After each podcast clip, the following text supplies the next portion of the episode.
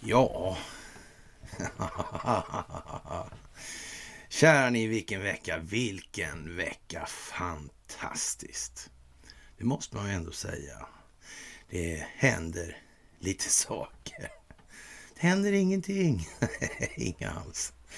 Inga alls. Nej, nej. Nej, men det beror på hur man ser på tillvaron. Vilken bild av verkligheten man har. Vilken eh, syn man har på, sin själ, på sig själv, alltså sin självbild.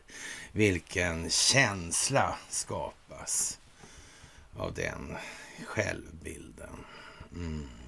Accepterar man att man inte är, är Gud eller kämpar man allt vad man kan för att bli Gud? Det är inte samma sak som att kämpa med, kämpa med att försöka bli bättre som människa. Det är lite annorlunda faktiskt. Det är att inse sin egen ofullkomlighet och eh, behovet av att ständigt försöka förbättra sig. Ja, det är ju fantastiskt. Fantastiska tider. Ni är fantastiska. Så är det. Vi skriver den eh, 5 augusti 2022. Den sista vardagen den här veckan är vi framme vid nu. Och eh, som alltid på fredagar, då är det dags för ett... Ja, är det inte fantastiskt så säg. Och som vanligt, ni ska ha det största av tack för allt ni gör i det här. Det är ni som utgör den förändring som vi vill se i verkligheten runt omkring oss. Det är ni alla människor som följer den här kanalen till exempel. Och eh, det är alla de människor som ni drar med er i sin tur. Det är där utvecklingen av samhället har sitt fundament.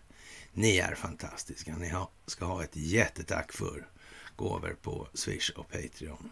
Ni ska ha ett jättestort tack för att ni fördjupar er på karlnorberg.se och ni ska ha ett jättetack för att ni hakar på Telegramtjänsten och som vanligt att ni följer då underpoddar och rekommenderar de här Free People's Movement. Ja, det är viktigt alltså. Det är den anglosaxiska delen av världen som är lite större än den skandinaviska och svenska. Ja, det är deras steg in i det här och ja, vi har ju kommit fram till ett slags moment 22.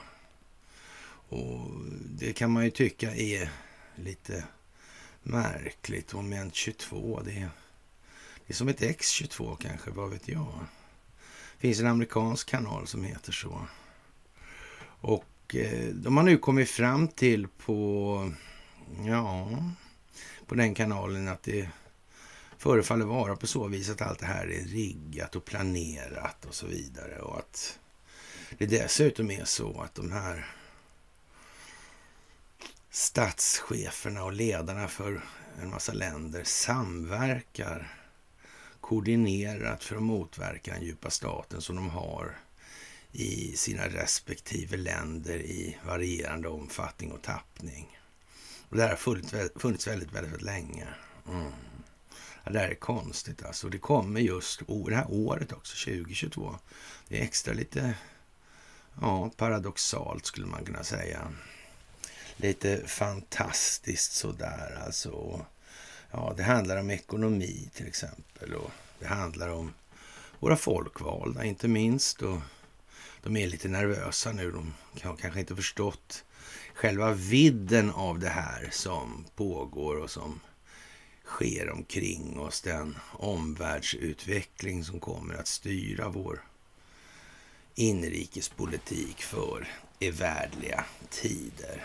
Och det kan man ju tycka är tråkigt för men, men, men eh, samtidigt så är det ju någonstans så här att har man nu valt en gång att valsa eller tillbe då ska jag väl säga, valsa i den meningen ljuga alltså. Och tillbe då den, eh, ja, filosofiska materialismen eller så. Mm, egennyttan där och den falska solidaritetens altare som Torsten Otin en gång så förtjänstfullt uttryckte saken, ja då är det ju som det är. Och kanske vore det bra att folk faktiskt eh, förstod lite grann om hur lite de här folkvalda egentligen har att säga till om. Hur är det egentligen med röstlängderna i Sverige? Är det så att det finns falska röstlängder alltså? Vem är det som kontrollerar det och ansvarar för det? Det ligger ju inom ramen för skattemyndigheten i alla fall, så mycket kan vi säga. Valmyndigheten och sådär. Ja. Är det verkligen säkert att de inte... Är de inte ärliga med det finns det chans och möjlighet att de här har använts i andra sammanhang, i politiska sammanhang rent utav. Mm, det skulle det kunna göra. Mm. Kan det ha medfört olägenheter för individer som ja, har uttryckt sig i termer av att det här med djupa staten är inte särskilt lämpligt för samhällets vidkommande. Mm. Ja, vad brukar man kalla sådana som gör det då? De blir rättshaverister alltså. Mm, sådana saker. Men det är ju förargligt nu om det visar sig att det faktiskt har varit och förhåller sig på så vis. Det kan ju vara så illa att det här finns dokumenterat rent utav alltså. Det skulle ju kunna vara så jävla dåligt för eh, de inblandade vill säga.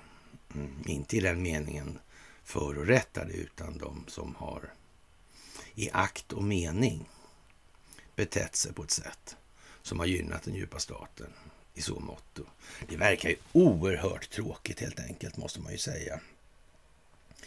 Ja, och jag vet inte, vi har storfrämmande igen alltså. Mm, fint folk är här alltså. Mm. Det är lite konstigt den här USS Arlington. Uppkallad efter 9-11 där. Och Pentagon. Vem var det som hade hand om det här äh, molnverksamheten? Var inte det någon amazonisk historia också? Rent, någon, någon uh, Amazon Web Services. Finns inte det sammankopplat på något vis med något bolag? Ett svenskt telekombolag tror jag det är faktiskt, som heter Ericsson. Finns, ingen sådana kopplingar finns. De beskriver visserligen det på sina respektive hemsidor, både Amazon och eh, Ericsson. Men det behöver ju inte stämma för det. De kanske bara skarvar för att göra sig märkvärdiga, lustiga. Eller kan det vara så att det har varit stacklat under väldigt lång tid alltså? Mm. Kan det vara så att det här eh, uh, USS Arlington är någon form av ledningsfunktionsfartyg, alltså ett stabsfartyg i de där sammanhangen? Mm. Tänk att de ska ligga så nära Kaknäs. Så tokigt. Ja, ja. De kanske kan ha direktsänt från skeppsafton, allsång. Vem vet? Ja, det får man väl se om det blir så. Eller om det visar sig att det blir något annat alltså. Och, och jag tycker det är tjusigt det här med Arlington ändå. Och, och det tyckte faktiskt... Eh, ja, Mr Snakemore hörde av sig på en sväng där och tyckte det också. Alltså. Och, och, ja, och det här med Kaknäs och kontroll över Rakel och det här VMA-historien, alltså Terracoms verksamheter. Det, det är ju liksom lite centralt det där när man ser det till informationshantering, skulle man kunna säga. Va? Mm, lite grann. Och, och Kaknäs har väl dessutom varit stängt då sen, eh, ja vad kan man säga, det är i alla fall samma år som eh, någon hamnade under amerikanska justitiedepartementets fögderi. Kan det vara en slump kanske, eller nej? nej. Ja, man vet ju aldrig med sådana här saker. Det kanske ser ut som en anka, går som en anka, låter som en anka, smakar som en anka också när man äter den och sådana här grejer. Men vem vet, det kan ju vara en enhörning kanske. Ja, eller en myrslok rent ut sagt. Det får vi väl se vad det lider och eh, det här har man naturligtvis eh, gjort i det dolda. Vad sa Donald Trump nu? Hur var det? Vad var det han skulle införa för någonting? I militära doktriner igen. Ja, det var överraskningsmoment. Vad konstigt. Man talar inte om vad man ska göra. Man, man torgför inte det medialt i de ägardirektivstyrda opinionsbildningsmedierna som så att säga springer den djupa statens ärenden. Men, men de är ju lite klena just nu, de där, det här med då Tjallarhornet och det här. Mm. Och som sagt, nu konvergerar det ihop här. Amerikanerna är i kapp i den delen. De är lite kvar efter på det här med vem som egentligen har haft hand om det här i Pentagon och, och de, de delarna som sker här på den skandinaviska teatern. Men, men eh, det får vi ha överseende med. Vi kör det vi gör så att säga, för det måste göras. Och, och ja, sen kommer det här så att säga att slå in här och det kommer att ha med valfusk att göra. Det amerikanska valet. Ja, de amerikanska valen. Tänk vad konstigt. Men det vet inte jag om vi har sagt. Någon. Nu kan ni komma ihåg det efter den här gången då kanske. Mm, det kan vara så faktiskt. Ja, och det här med ockupationslagar, det här med ockupationer, det är ju för märkligt alltså. Man får ju känsla av att det är rena rama detaljstyrningen alltså. Och det här med eh, FISA i USA och FRA-lagen och ja, finanskrisen 2008 det är lite grann som Ivar Kryger kan man säga där. Och, och ja, det är ju lite så märkligt kan man ju tycka då att man väljer att stifta lagar om allt det här då helt plötsligt. Helt plötsligt. När man har kört i mörkt i hundra år innan. Varför kom man på det för?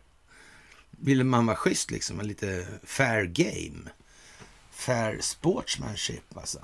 Ja, ja, ja den nobla konsten, eller vad ska man säga? Jag vet faktiskt inte, men det är väl liksom... Det är fredag, fredagsmys. Ja, man vet ju inte så mycket då. Jaha, och eh, vi kommer ju ihåg det här med Snowden. Ja, innan Admiral Rogers tillträdde. Ja, just det. Och sen var det det här med Assange, ja. Mm. Claes Borgström, Anna Ardin, Broderskapsrörelsen som sedermera bytte namn. Hela jävla gänget sprang runt och krälade i... Hon den där, vad hette hon? Någon psykolog, va? Med förträngda minnen. Mm, jag vet inte. Hade hon att göra med någon, någon liten rättsskandal där kanske? Och där var ju han, Borgström förresten, han var ju företrädde den här som, som blev utsatt för den här rättsskandalen. Han hette Kvick, va? Mm, tror jag det var. Ja, just det. Mm. Margit Norlander, ja just så. Ja, just det. Mm. Och konstigt det här alltså med det här bolaget Palantir som heter likadant som den där bloggen jag har. Mm. Och som jag inte fick döpa till Palantir. Inte ens TH fick jag använda på PRV och det var ingen som ville förklara varför. Det här var i början på 90-talet alltså. Det var ju konstigt. Hur kunde det bli så här? Det var bara omständigheter som kom till någonting som visserligen hade hänt, hänt inträffat, inträffat och skett alltså, men ändå var det våra helt grundlösa grejer. Alltså, det var ingen som hade tänkt så. Det bara blev så ändå, så att säga. Det bara blommade ut så här. Mm. En eh, härlig doft av viol spred, spred sig på ett ställe och eh, en mindre härlig doft av vitriol började sprida sig på andra ställen skulle man kunna säga. Mm, det skulle man ju kunna säga. Ja, ja, ja, ja, ja, ja. Ja, säckar, påsar och tablettaskar alltså. Och, och lägger man ihop kontrollen över Ericsson, Starlink och techjättarna med Palantir då, då, ja, själva utrymmet för att man inte skulle ha planerat det här då ur det perspektivet. Det är noll. Noll. Ingenting alltså. Absolut ingenting. Och, och, det är klart, det kan vara svårt det här. Alltså man nästan de små krypen i Stockholms tunnelbana är med i den här ekvationen. Och det, det är liksom lite så. Jaha. Ja då. Och eh, Facebook har man ju kontrollerat från början. Rakt av alltså. Och Twitter har man åtminstone haft bakdörrar in i. Det här har man vetat om precis hela tiden. Instagram, WhatsApp och Messenger sitter ihop med Facebook. TikTok har Xi Jinping kontroll på. Men man har inte planerat det här. De här fyra har inte gjort det. De har inte koordinerat det. Nu har visserligen amerikanerna kommit fram till att de har det. Men, men och, och, och varför vet vi att de har varit medvetna om det här länge i USA? Hur kan vi veta det? Jo, därför vi har upplyst då just X22 om det här. Och vi har till och med skickat den här förnämliga bilden som jag och Johanna har gjort. Fantastiskt, eller hur? inte det är konstigt? Mm. Det är ju faktiskt jättebra alltså. Jaha, och mm, man får väl eh, så att säga se att en del av de här övningarna man bedrivit också har varit för att belysa hur det här faktiskt ser ut med telekom infrastrukturell kontroll i det här som del av det moderna kriget. Där den helt avgörande delen är informationshanteringen gentemot den egna befolkningen. Det är hela saken. Mm. Jaha, och eh, vad ska vi säga mer då? Det, det är väl liksom, lite grann så att eh, med Carrie Lake som eh, nyvald guvernör för eh, Maricopa, höll jag på att säga, men Arizona. Eh, ja, jag vet inte. Det är... Mm, det blev ju som det blev det där nu. På tal om moment eh, 22 alltså. Ja, det är ju lite speciellt så här dags i utvecklingen. Det får man nog fan tillstå alltså. Och mycket händer ju, men mycket som ska redas ut, mycket som ska klaras ut. Och det är en del saker måste ske nu, andra saker får lov att ske efterhand och senare. Så är det också. Och eh, vi har ju problem med bankprosan alltså, eller den språkliga aspekten på det, eller, pers eller ur det perspektivet. Alltså det här med inflationen, det är ju för märkligt. Vi kommer naturligtvis tillbaka till det många gånger under den här lilla mysstunden. Och, och nu, man, nu, kan man konstatera då att eh, FN går ut och säger att globala matpriser är på väg ner, alltså det skarpaste fallet sedan 2008. Och, och det leder ju omedelbart till frågan hos den eh, ja, minnesgode då. Är det, då. är det möjligtvis då samma sak som deflation då alltså? Är det så? Det är ju lite konstigt. Ja, Indexet här och det kommer från ett genomsnitt av de fem livsmedelsindexen för kött, mejeriprodukter, spannmål, vegetabiliska oljor och socker. De indexen i sin tur framtagna genom att ta snittnivåer på representativa exportmarknader. Prisnedgången har emellertid inte nått svenska butiker. Från 1 juli till 31 juli ökade matpriserna med i genomsnitt 1,5 procent enligt siffror och statistik appen Matpriskontrollen. Det är den näst högsta prisökningen på en månad som de har registrerat. Sedan i januari har svenska priserna på matrelaterade produkter i butik ökat med i genomsnitt 10,3 procent. Ja, hur är det där egentligen? Men, men det här med att det flödar in eh, betalningsmedel i, i realekonomin eller i ekonomin som helhet också naturligtvis. Och, och att det här eh, leder till, till eh, prisförändringar. Hur, hur, hur hänger det här ihop nu då, egentligen? Hur går det till? Hur ser mekanismen ut för det här? Eller är det, är det här bara liksom rök och speglar? Är det bara förtroendebusiness som de håller på med? Finns inte de här sambanden? Ja, det var ju andra samband som försvann. Det fanns ju inget mekaniskt samband mellan bankernas styrränta och bankernas skapande av lån. Det konstaterade Mervyn King för länge, länge sedan. Mm. Men det var inte moget riktigt där. Men det var ändå sagt, det var klart, det var klarlagt, det var fastställt då. Det var en chef för Bank of England som fortfarande anses vara en position som med viss eh, auktoritet uttalar sig i de här sammanhangen. Mm, City of London är fortfarande vad det är. Mm. Fast inte så länge till, inte så länge till. Det går inte så bra för kungahusen. Nej, det gör inte det. Men det kommer vi tillbaka till alltså. Och det är ju naturligtvis väldigt speciellt, det får man ju säga.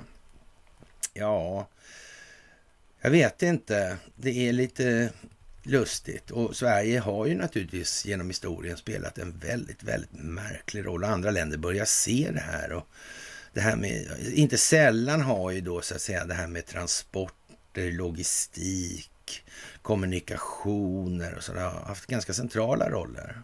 Jävligt centrala skulle man kunna säga, rent ut sagt. Järnvägar har alltid varit en sån grej alltså. Mm. Det var inte bra det där när möjligheten att ta tull försvann för sjöväsendet. Mm. Trist historia.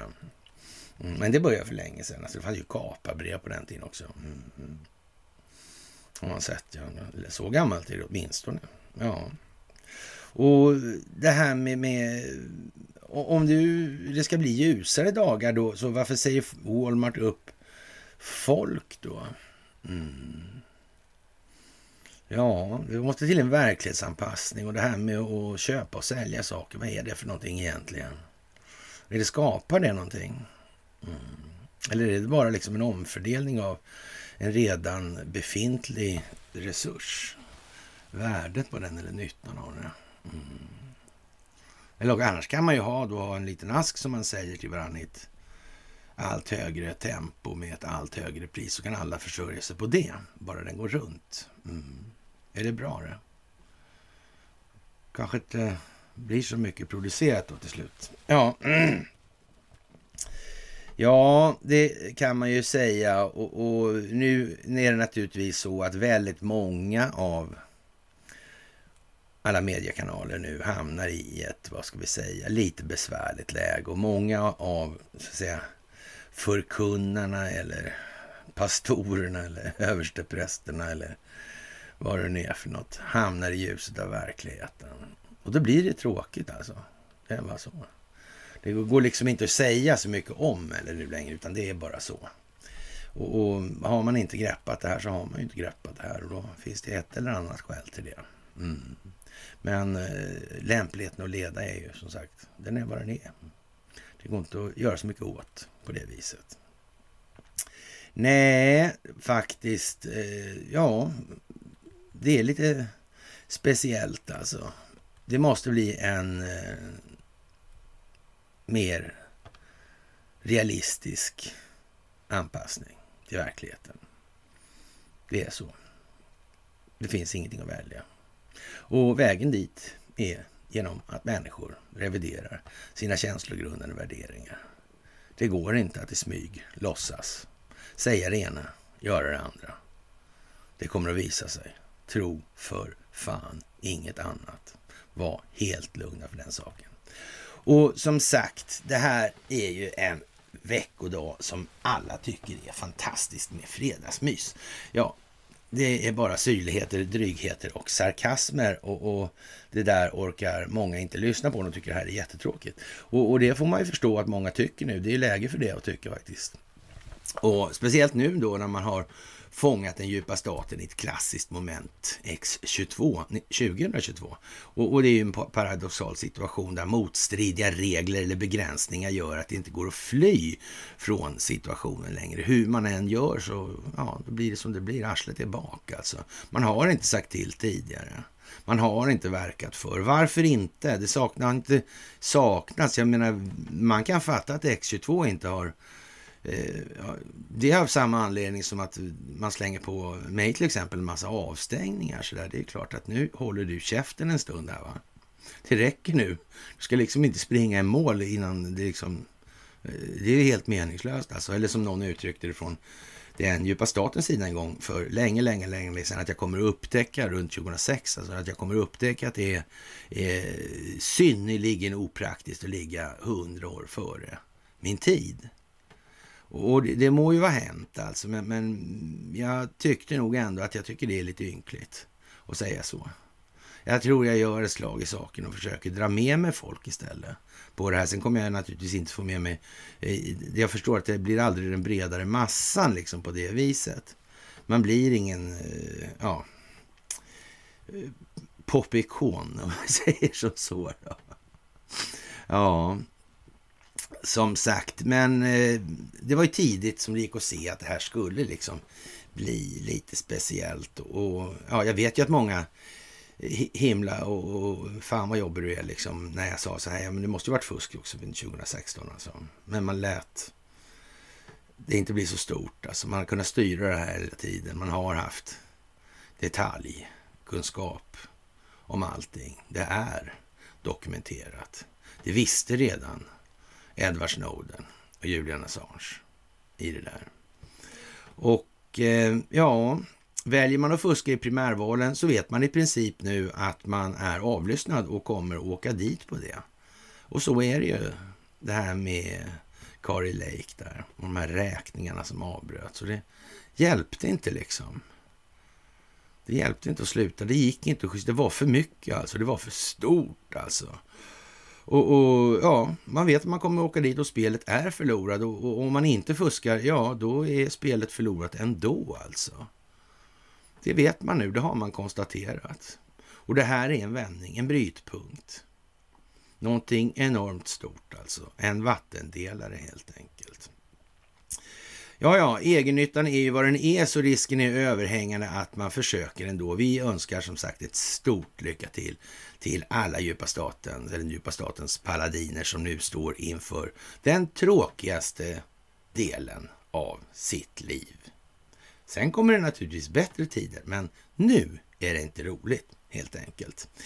Tänk att man av, ja, som av en ren slump hamnar i den här situationen. Det är ingenting som är planerat och utvecklingen är bara tur helt enkelt. Men vi lägger till ett talstreck och säger så här, men tur, det är ju trots allt när omständigheter kommer till förberedelse. Så är det också. Otur är det omvända. Ja, strategisk planering innan det moderna krigets delar skulle ju kunna ha med det här att göra, alltså den här situationen. Men det kan vi ju inte veta helt säkert, för det har inte vi varit med och gjort så där direkt. I, indirekt har vi ju varit det och, och, det har ju stämt ganska väl då med vad vi har postulerat ska komma att inträffa. Och, och ja, på så vis kan vi väl ändå vara ganska trygga i vårt uttryck att ja, om det här går under ordnade former, ta i trä. Så. Eller så ska jag väl göra snarare då. Ja, ja. I ja, augusti alltså, heta augusti. En månad som just har börjat. Men bastun har ju faktiskt inte blivit mer än ljummen alltså. Kearsarge är i Helsingfors. Och bilden ser lustig ut. Det sitter som galler där. Det är som finnarna sitter bakom ett galler när man ser den här båten i Helsingfors hamn. Konstigt.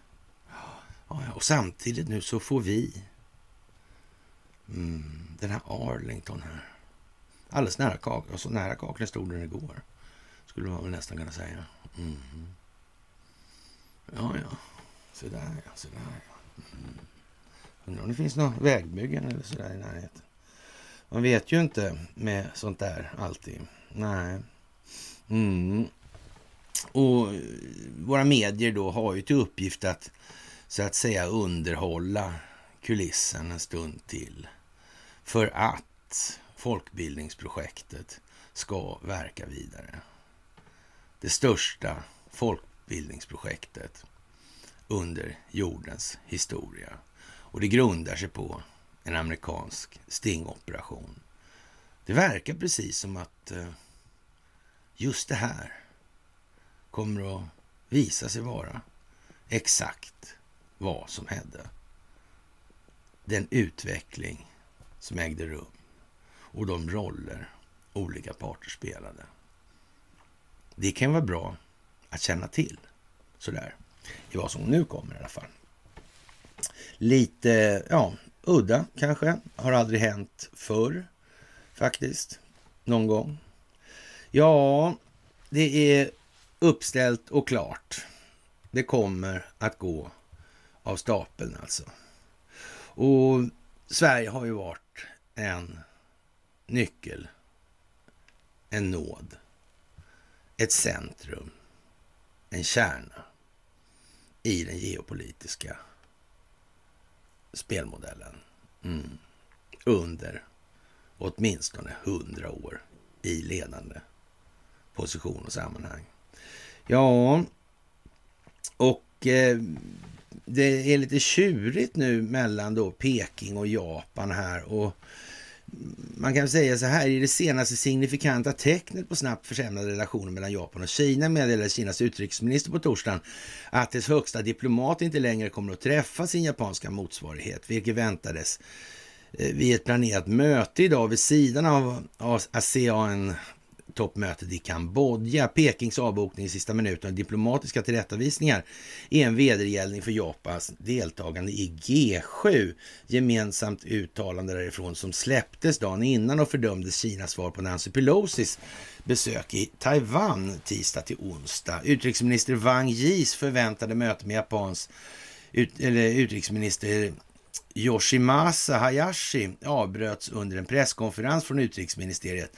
Avgörande är att Wang nu också, eller också nu vägrar att träffa Antony Blinken alltså. Och Kinas missiler flög troligen över Taiwan, säger Japan. Vi kommer inte tillåta dem att isolera Taiwan, säger Pelosi. Pelosi kommer att besöka Taiwan, bekräftar tjänstemän från båda nationerna. Ja, det där är ju väldigt speciellt alltså. Mm. Måste det här spelas upp kanske? Få lite skräck i folk ändå? Jag vet inte. Mm. Nu är det farligt om det skulle bli en terrorinsats alltså. Den djupa staten har ju inte lagt sig ner platt på rygg och visa mjukdelarna. Så är det inte. Och så kommer det inte att bli heller. Det kommer inte att bli så. Jaha, och ja, och eh, Peking reagerar ilsket och undersöker att det var Pelosis resa som kränkte Kinas suveränitet och statuscitatet One China-principen alltså. Och, och för att göra saken värre på torsdagen landade missiler som avfyrades över och mot Taiwan som en del av PLAs kraftuppvi eller maktuppvisning och, och eh, spännande av musklerna för första gången i den japanska exklusiva ekonomiska zonen EEZ enligt Japans försvarsministerium. Japans förhållande till Sverige och Hirohito-familjen och finansministern Takahashis roll i förhållande till det globala finansiella systemet och finansieringen av till exempel rysk-japanska kriget, ryska revolutioner och så vidare. Det här är ingenting som hela världen har missat. Alldeles för många har förstått det här nu. Det går inte längre att mörka, komma undan, dra rök och speglar över det här. Alla ser det här. Eller alla ser ju inte det här, men väldigt, väldigt många ser det här nu. Och drar de här sambanden jättesnabbt. Det kommer helt automatiskt nu alltså. Vi har tjatat hål i motståndet helt enkelt.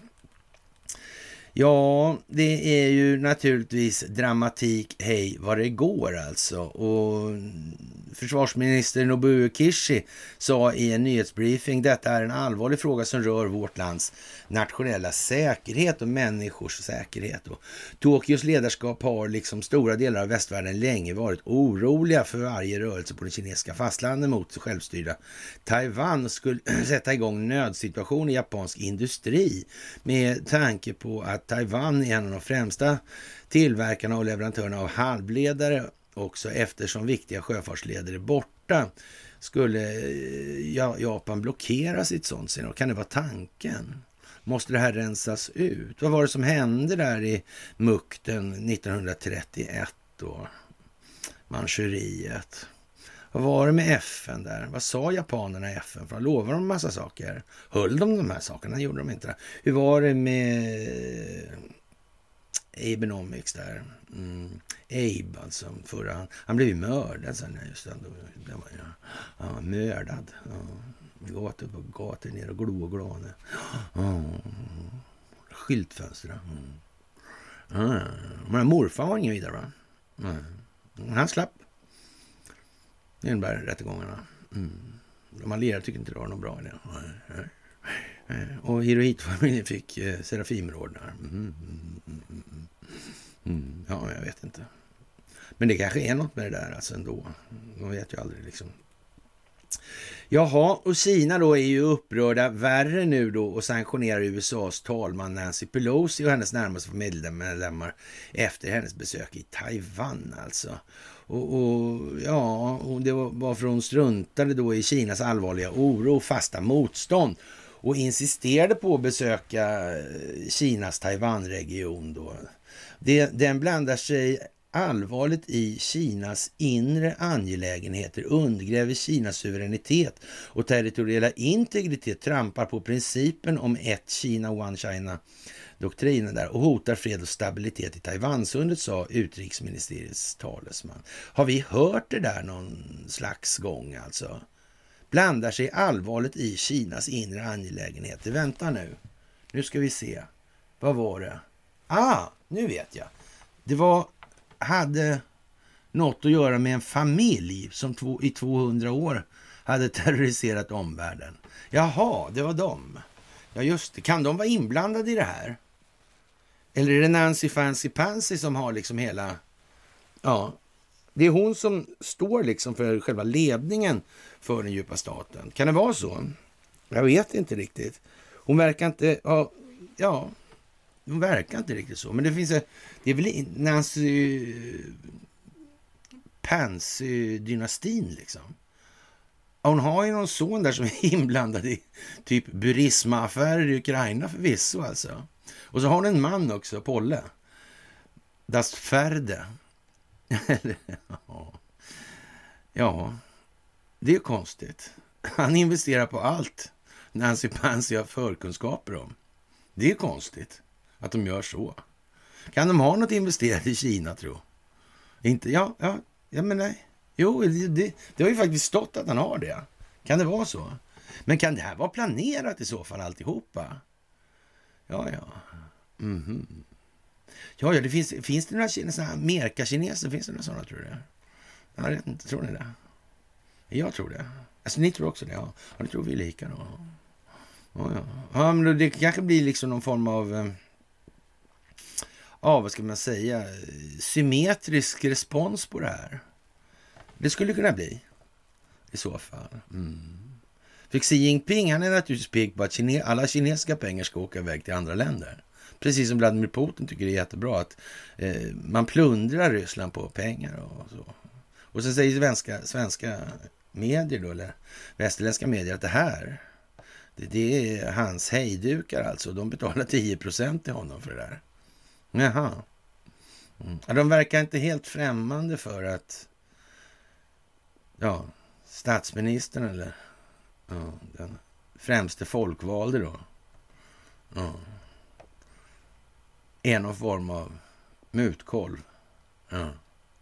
Jag vet inte exakt det här med hur man ska se på det med Sverige där. Jag skulle det väl aldrig kunna vara ändå Magdalena, snälla rara alltså. Hon är ju i alla fall trogen sin man. Ja. Men det frågan är om inte det i sig kanske är lite förklenande i det. Han har ju trots allt, ja just det, det är den där familjen igen. Man har Jocke Wallenberg-professuren på Handelshögskolan i Stockholm. Och handel, det gör ju ingenting, det är bara att fördela ju. Vad fantastiskt. Praktiskt helt enkelt. Mm. Ja, ja. Ja, ja. Jaha, Danmark eh, är ju en annan en liten detalj i det här förutom Sverige och Finland. Och, och, ja, när västvärlden tog Ryssland vid roder dämpade Ryssland i återbetalningstiden för leveranser efter Ukraina-kriget. Förra veckan begränsade Gazprom gasflödet genom Nord Stream-ledningen till Tyskland med 20 procent av kapaciteten med hänvisning till problem med utrustningen. Även om Danmark är på den säkra sidan där gasreserverna är fyllda till ungefär 85 procent, vilket är enligt EUs mandat. Men på lång sikt går eh, Danmark även in i den röda zonen snart alltså. Och den danska regeringen hade stora förväntningar på sitt Tyra 2-gasfält i Nordsjön när dess ombyggnad pågick. Men några av de senaste konsekvenserna har skapat oro inom Köpenhamn. Alltså. Och projektet är försenat. Total Energies, det franska multinationella integrerade energiföretaget och ett petroleumbolag har meddelat en försening av ombyggnaden av Tyragasfältet. I ett färskt pressmeddelande förklarar företaget att arbetet med att bygga om fältet kommer att försena minst ett år. Vilken otur! Det var väl aldrig någon som såg det här komma. Någon som etablerade de här bolagsstrukturerna hade kanske ett finger med i spelet också. Det verkar komma passande för de parter som motverkar den djupa staten. Det går liksom inte att göra någonting åt. Alltså det är inte bara att avlyssna svenskar eller låta amerikanska myndigheter avlyssna svenskar som har pysslat med i Danmark. Det är någonting ruttet i Danmark. Alltså det sa man för länge, länge, länge. Det är oh, something rotten in the state of... Ja, det där är ju konstigt alltså. Det betyder att leveranser av gas från Nordsjön inte kommer att vara möjliga förrän vintersäsongen 23-24. Tyrafältet brukade leverera 90 procent av naturgasen till Danmark fram till dess stängning i september 19. Och stängde det där, så var det 19 igen alltså. Det är ju helt otroligt konstigt. Hur kunde det bli så? Mm. mm. Det var vi andra händelser där också. Det verkar liksom Ja, alltså den geopolitiska signifikansen på de här händelserna, den går ju inte nästan att överskatta ändå alltså. Mm, den är lätt underskattad i alla fall. Så kan man säga. Mm. Ja, Eftersom havsbotten under Tyrafältet sjönk till följd av utvinningen var det nödvändigt att renovera infrastrukturen. Den danska regeringen lovade att renovera åtta gamla plattformar, bygga några ytterligare terminaler och förnya processmodulerna. Men på grund av de pålande effekterna av covid-19-pandemin har leveranskedjorna och bristen på arbetskraft påverkat konstruktionen av processmodulerna. Danmark förbrukade 2,15 miljarder kubikmeter gas 2021. Det förväntas dock att Tyra 2 skulle skulle kunna producera 2,8 kubikmeter kubikmiljarder kubikmeter gas per år när den är klar. Köpenhamn hade förväntat sig att man skulle kunna avvänja sig från ryskt beroende med hjälp av Tyra 2 till nästa sommar. Men så verkar nu inte bli fallet alltså. Nej, det är konstigt alltså. Jaha, i juni blev Danmark ett offer för rysk motaggression av Gazprom stoppar gasleveranserna till Shell Energy Europe och danska Ørsted eftersom de vägrar följa rubelbetalningsmekanismerna. Det var konstigt, det går ihop liksom. Är det koordinerat det här alltså? På något märkligt vis. Det är ju märkligt, det måste jag säga. Ja, och ja ja, Danmark brydde sig inte alls om det eftersom de var övertygade om att vintrarna skulle bli trevliga för dem på grund av de här 85 procenten fulla reserverna. Men EUs dikta senaste diktat om 50 15 procents gasreduktion har också berört Danmark. Och nu är även Tyra 2-gasfältet försenat. Alltså det blir ju jättedåligt allting här. Alltså går bara mot. Ja, Danmark har siktet eh, inställt på att tillfälligt öka sin gasproduktion och bli nettoexportör av gas nästa år. Alltså. Men nu ska de svalka eh, fötterna lite, de lite varma, bränner under dem faktiskt. Danmark måste gå tillbaka till den europeiska marknaden som också tyvärr är knuten till Ryssland. Alltså. Mm -hmm.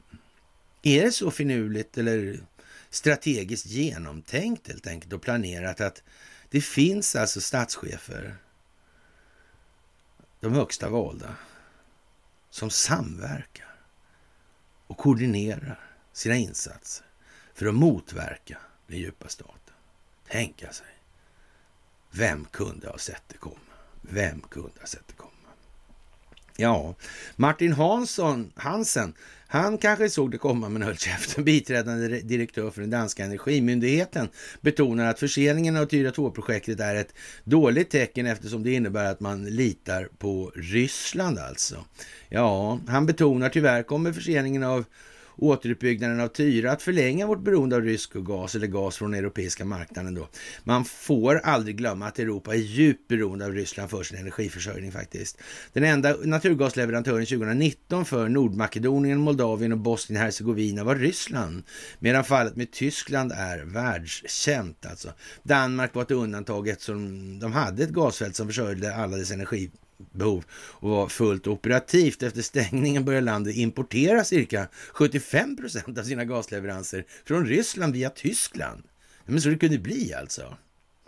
Det här blir ju katastrof. Ja.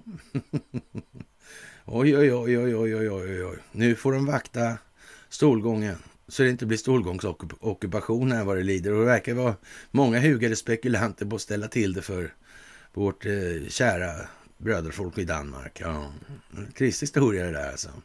Egennytta är någon skandinavisk sedvänja som vi förmodligen ska eh, försöka åtminstone dämpa i sina mest extrema excesser. Tror jag är en bra grej alltså i omvärlden.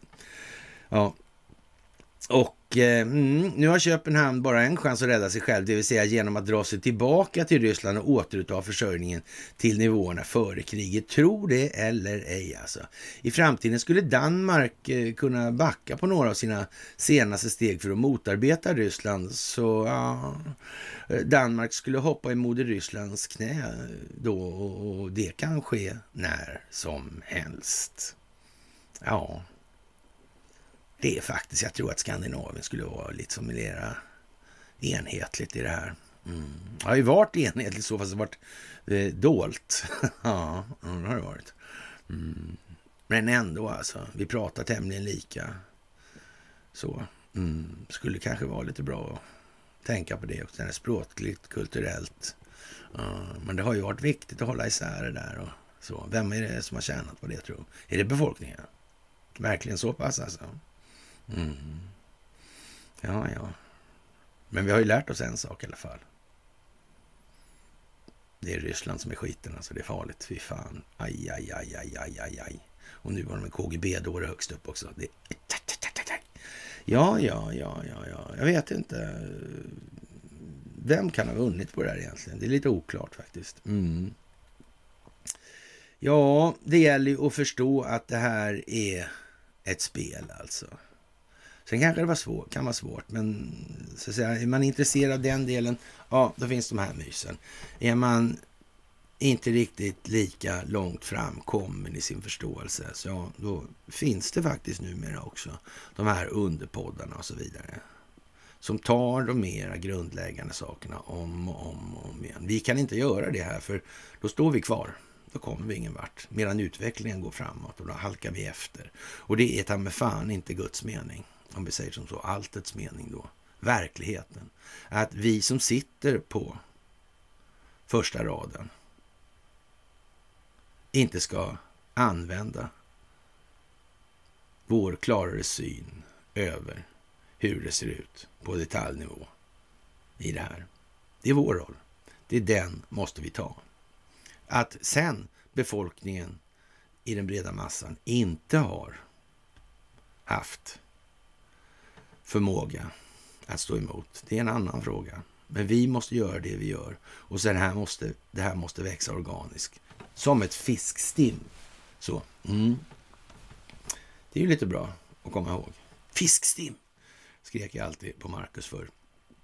Ja, det är speciellt. Och eh, i Spanien får inte luftkonditioneringarna kyla under 27 grader inomhus. Och det är klart att um, ja, det, det, blir ju lite uh, dumt kanske då. Och det kanske är meningen. Det, det kanske finns en och annan spanjor som är svensk i sinnet, i kynnet. Mm. Det är ju liksom bra att tänka på nu. Och om vi hoppar över till USA och den här planeringen. Och, och nu när vi tittar på det här, vi börjar hamna där bak på 2006, 7, 8 8 och sådana här är ju liksom standard ner och, och, till och med vi vet ju det här med kriget med terrorism och sånt här skit. Alltså det, ja, som sagt, mm, det var ingen som missade det naturligtvis. Och jag tror han Bill Barr, han var väl någon stabschef där i de sammanhangen också. Ja, just det, det var han ja. Mm. Och sen finns det, det är återigen det här med det, det är skådisar så att säga. De måste spela ett spel alltså. Mm. Antingen de vill eller inte ska de göra det. Mm. Det handlar om opinionen. Det handlar om optiken. Det handlar om att människor ska ha en bild. Människor ska få en känsla av den här bilden. Mm. Och den känslan ska, ska inte vara så stark så att det blir kognitiv dissonans. Det ska bli en del dissonans, men också en del resonans. Och då väljer man att ta de resonabla delarna i det till sig och omvärdera sina känslogrundande värderingar. Så är det också. Om Christopher Ray spelar dubbelt och FBI har börjat med veritabel stämsång när det här framkom internt och när var det liksom? Och, och, hur ska man egentligen förhålla sig till det? Jag menar, man kan ju säga när de har tagit de här lökarna in i kajutan för allmän uppsträckning. Då har man ju naturligtvis givit ett val. Det ska rapporteras allt som sker här nu. Och tro oss, vi ser vad ni gör. Det har vi alltid gjort. Mm. Men du ska spela med, för vi vet också att fisken ruttnar från huvudet. Och vi vill ha klart för oss, fullständigt bortom alla möjliga tvivel, att vi får med oss all skit ut ur huset vid den här städningen. Hajar du? Ja, säger de då. Ja, de hajar. Mm. Annars har vi ett annat alternativ för dig. Mm. Och svårare är det inte. Och så har det gått till. Det kan ske med vilja eller motvilja alltså. Och det är allt som är dokumenterat sedan gammalt, gammalt, gammalt tillbaka. Så även här i Sverige. Och när Finland och Sverige har storbesök av US Marines då alltså, och Blackrock lanserar bruket av bitcoin. Ja, då har jag sagt det här. Under en övergångsperiod, ja. Av någon anledning. Mm.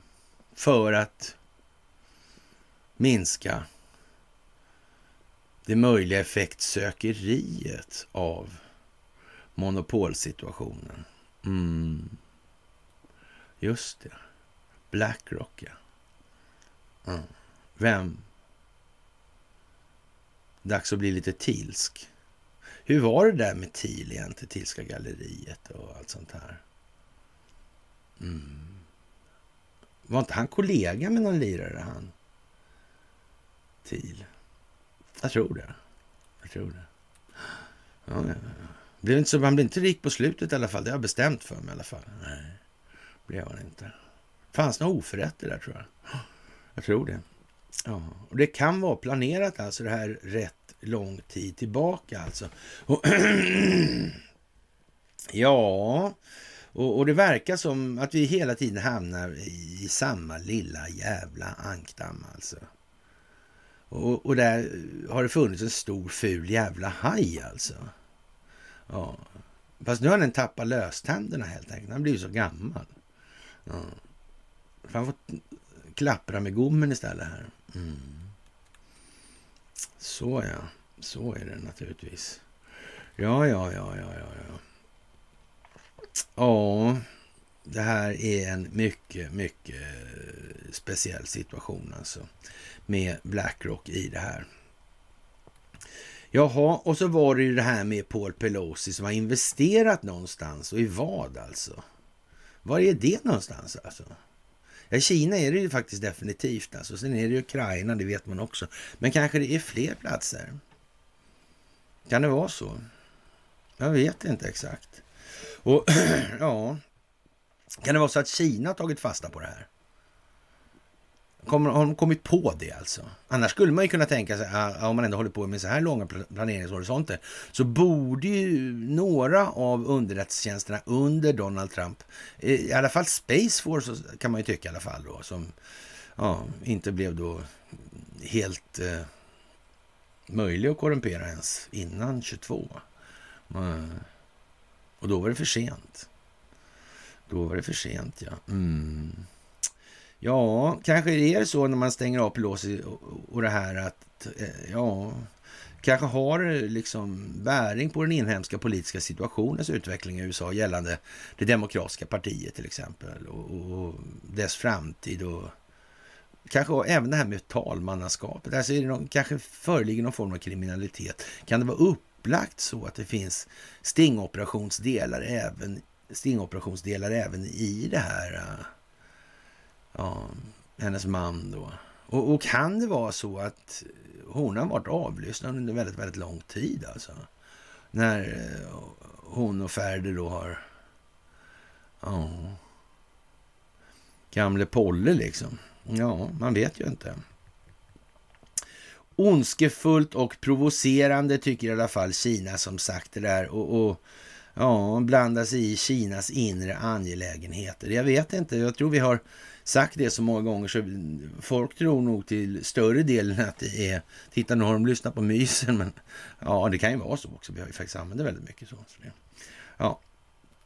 Och eh, ja, debatt, aktie spararna slutar straffbeskatta sparsamma och det är då en eh, ja, gråt och tandagnisslands vals om det här med att man ska eh, spara i pengar och sådär. Men det, det, det, är fundamentalt fel naturligtvis och det har Cornelia faktiskt skrivit som har delat den där och jag lät stå kvar där för jag visste att hon hade faktiskt förstått det här att man måste förstå alltså att ett betalningsmedel inte främst ska verka som någon jävla värdelagringsenhet. Då får man väl lagra värdet i något annat då, liksom tjusiga stenar eller ja, några metallbitar eller whatever liksom. Mm. Sådär. Men det är som sagt, det här har att göra med så att säga det mindset som finns i allmänheten och man får ta det här i delar. Folk blir ju helt... Ja, när man, människor som normalt sett inte ens orkar med att deras favoritlag förlorar i fotboll. När man börjar ta bort de här helt primära känslogrunderna och värderingarna, då kommer det bli lite tomt helt enkelt. Då blir det dålig stämning som man brukar säga. Och eh, ja, det här med att systemet dessutom är vad det är, att allt färre blir allt rikare på allt fler människors bekostnad, ovillkorligt mekaniskt, alltså på grund av naturen och karaktären i systemet. Det är som det är i och med att det här är enskilt kontrollerad skuld mm, med en kostnad av ränta som skapar ett tillväxtkrav och så vidare. Och så vidare. Och det ser väl ut som aktiespararna närmast eh, ska få bära konsekvenserna av sin egen dumhet i den delen. Det är ju faktiskt så. Jag menar, de, de, de tycker det är bra liksom att ha andra jävla losers liksom. Ja, men eh, du själv då, det här är ju ett system byggt för losers. Liksom. Det finns inga andra än losers. Vad fan tror du din jävla dåre liksom? Mm. Ja. Och de gnäller inte förrän de åker ur och då gnäller de som fan. Mm. Ja, jag vet inte. Vi får se vad det blir av den delen helt enkelt. Det är i alla fall händelserikt, det kan man ju säga. Och det ser ju faktiskt ut som vi har en liten dold ockupation. Ni kommer ihåg det här med Castellflaggan och Kearsarge som numera är Finland. Mm. Det där är lite udda alltså, får man nog säga. Ja. Det är inte många som mm, missar det nu tror jag, bland de som är lite mer insatta. Vad krävs för att etablera rädsla för kärnvapen och vilka syften kan ligga bakom skapandet av en allmän sån känsla? ABB, Donald Rumsfeld, reaktoravtal etc.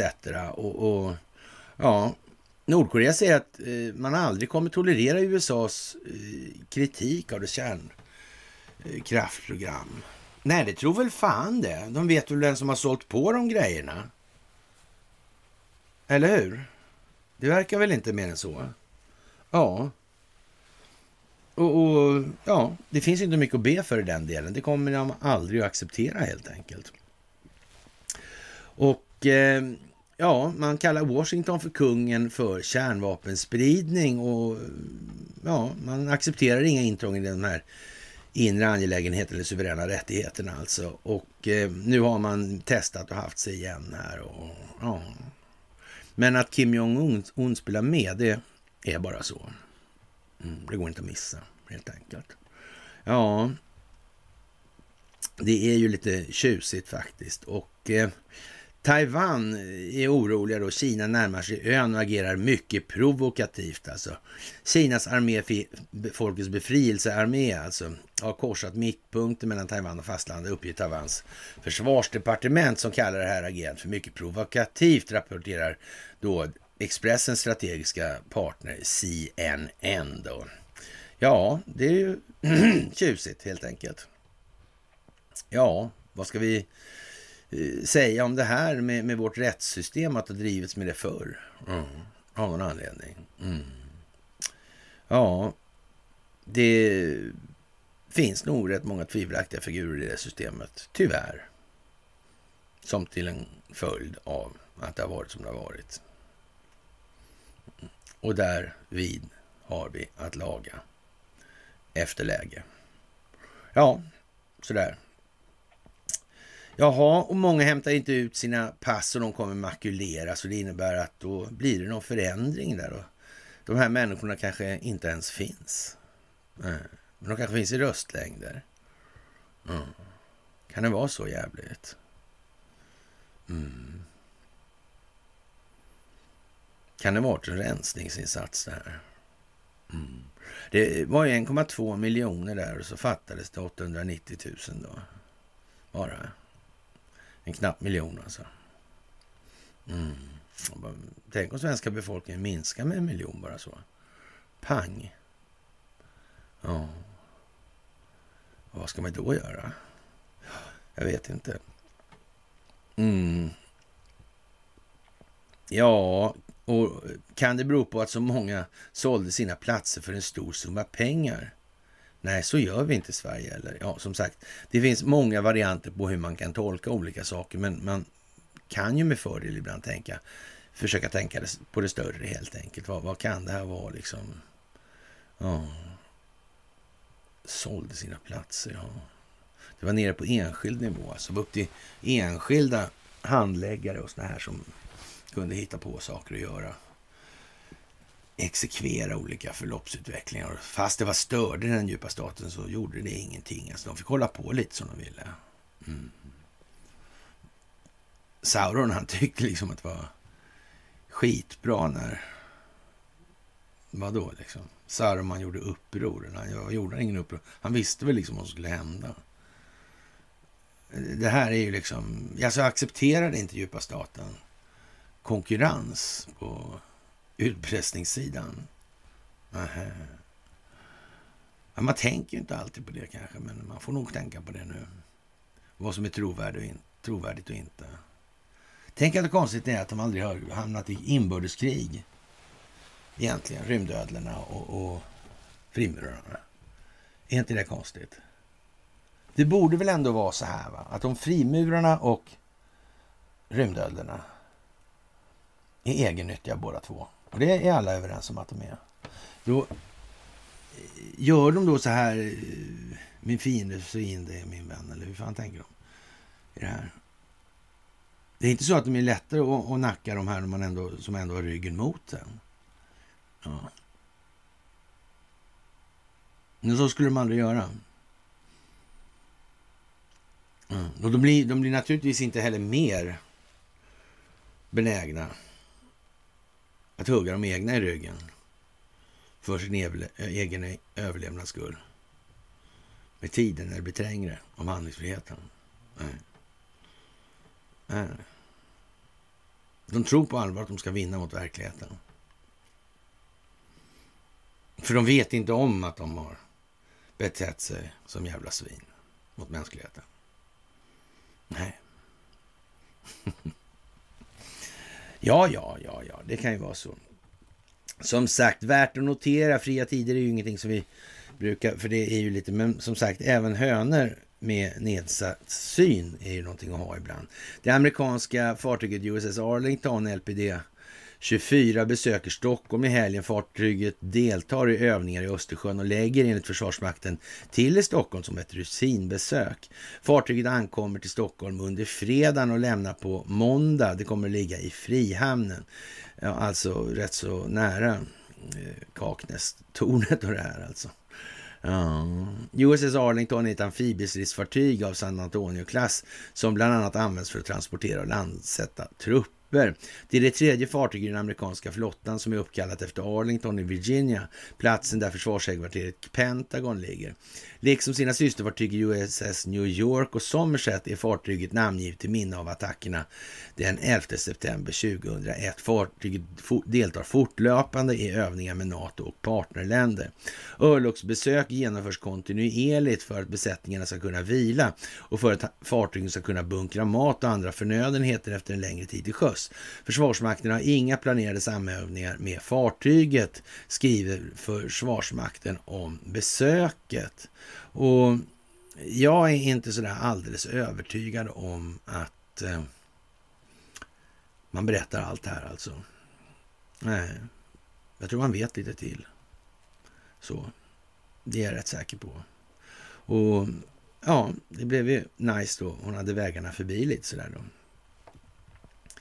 Jaha, och eh, man får väl eh, säga som så att det här med eh, ja, olika eh, sakers betydelse och mening och Finlands sak är ju som bekant vår sak då. Mm. Och det här med Kearsarge. Mm. Ja, ja, fotograferat.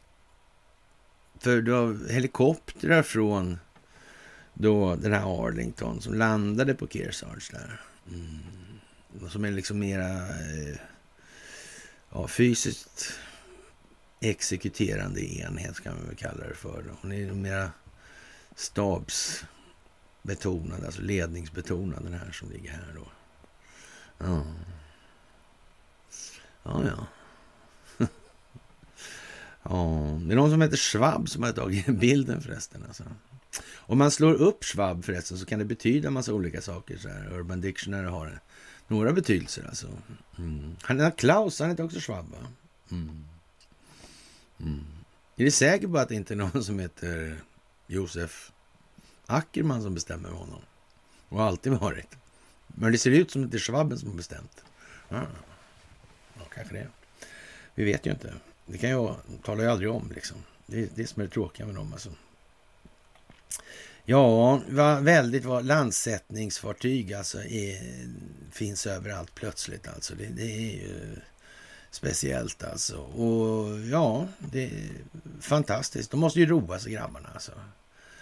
Det är dans bort i vägen på lördagsnatten alltså med Sven-Ingvars. Kan ju inte en amerikansk Sailor motstå. Det tror inte jag i alla fall. Jaha, vi tog upp nu eh, här eh, den detaljen med Ygemans pappa alltså. Det var ju lite udda.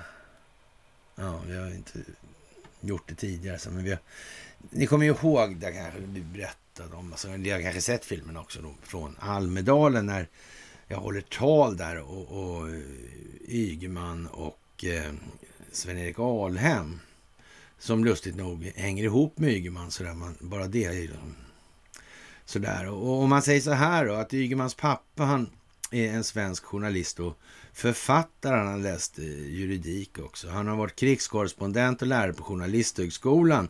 Han har intervjuat bland annat eh, ja, Moder Teresa, Alan Garcia, Indira Gandhi och Nelson Mandela. Alltså top of the line alltså. Och intervjuat sista, gjorde sista intervjun med Olof Palme.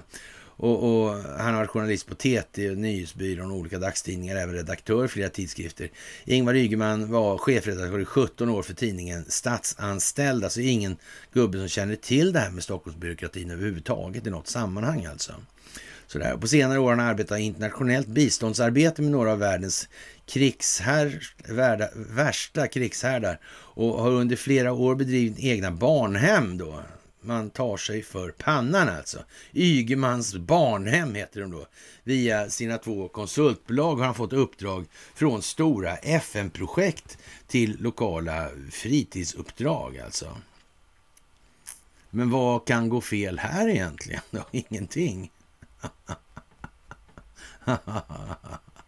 Och Ygemans comeback, den var inte riggad. Nej, nej, nej. Och han har... Nej, nej, nej. Det, är bara, det här är hedersmän alltså. Riktiga hedersmän. Mm. Mm-hmm. Selavi. Selavi. Ja, ja, det är bra. Det är bra.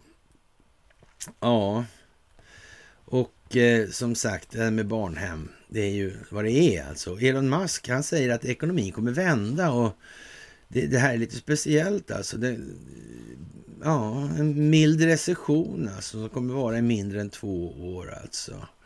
Och, och inflationen har toppat och sannolikt kommer vi få en, en relativt mild recession som varar i cirka 18 månader. Det skulle kunna vara så. Det verkar ju svårt det här nu när det är deflation alltså. Mm. Vi får mera mat för varje krona alltså. Mm. Mm. Men eh, vad är incitamentet för handlarna att göra så?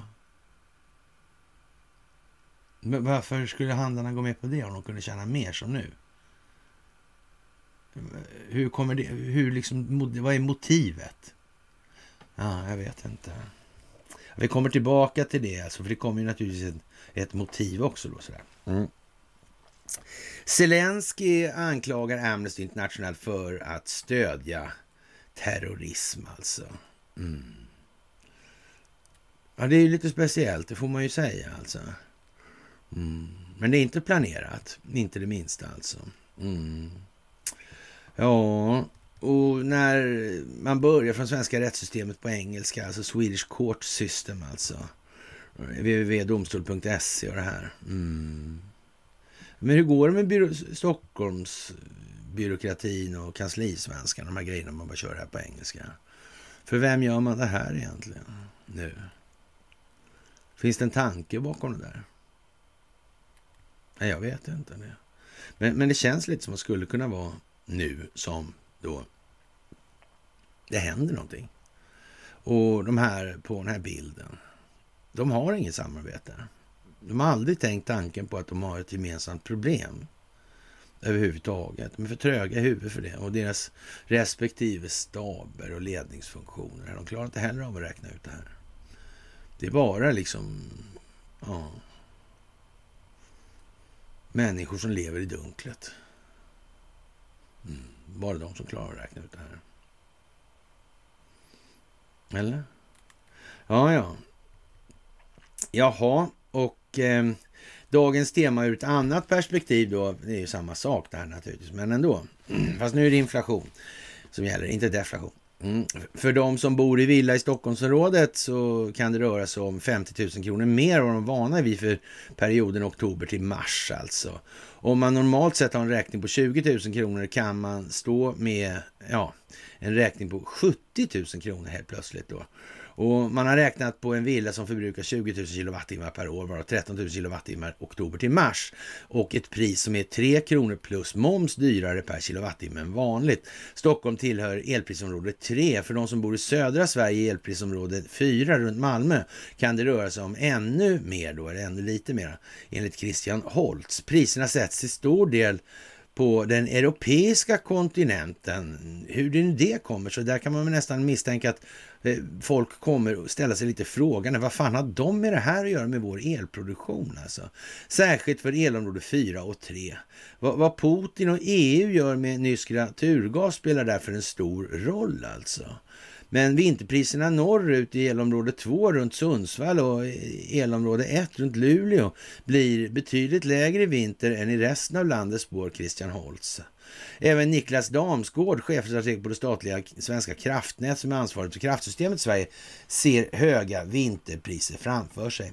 Om man tittar på marknadspriserna i dagsläget kan man vara säker på att det kommer att vara höga priser i vinter om det inte händer något väldigt oväntat och drastiskt, säger han. Vad skulle det vara för oväntat och drastiskt som gör att det händer något? Som gör att priserna går ner? Vad skulle det kunna vara? Vad kan det vara? Ja, men om Putin vrider på gaskranarna,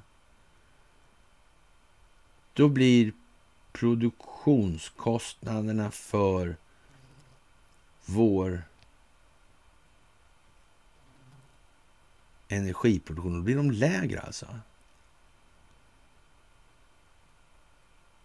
För det kan ju inte vara så att den här energiproduktionen vi har i landet, den så att säga hanteras av enskilda vinstmaximeringsintressen som hellre säljer den på en annan marknad där de får mer betalt. Då.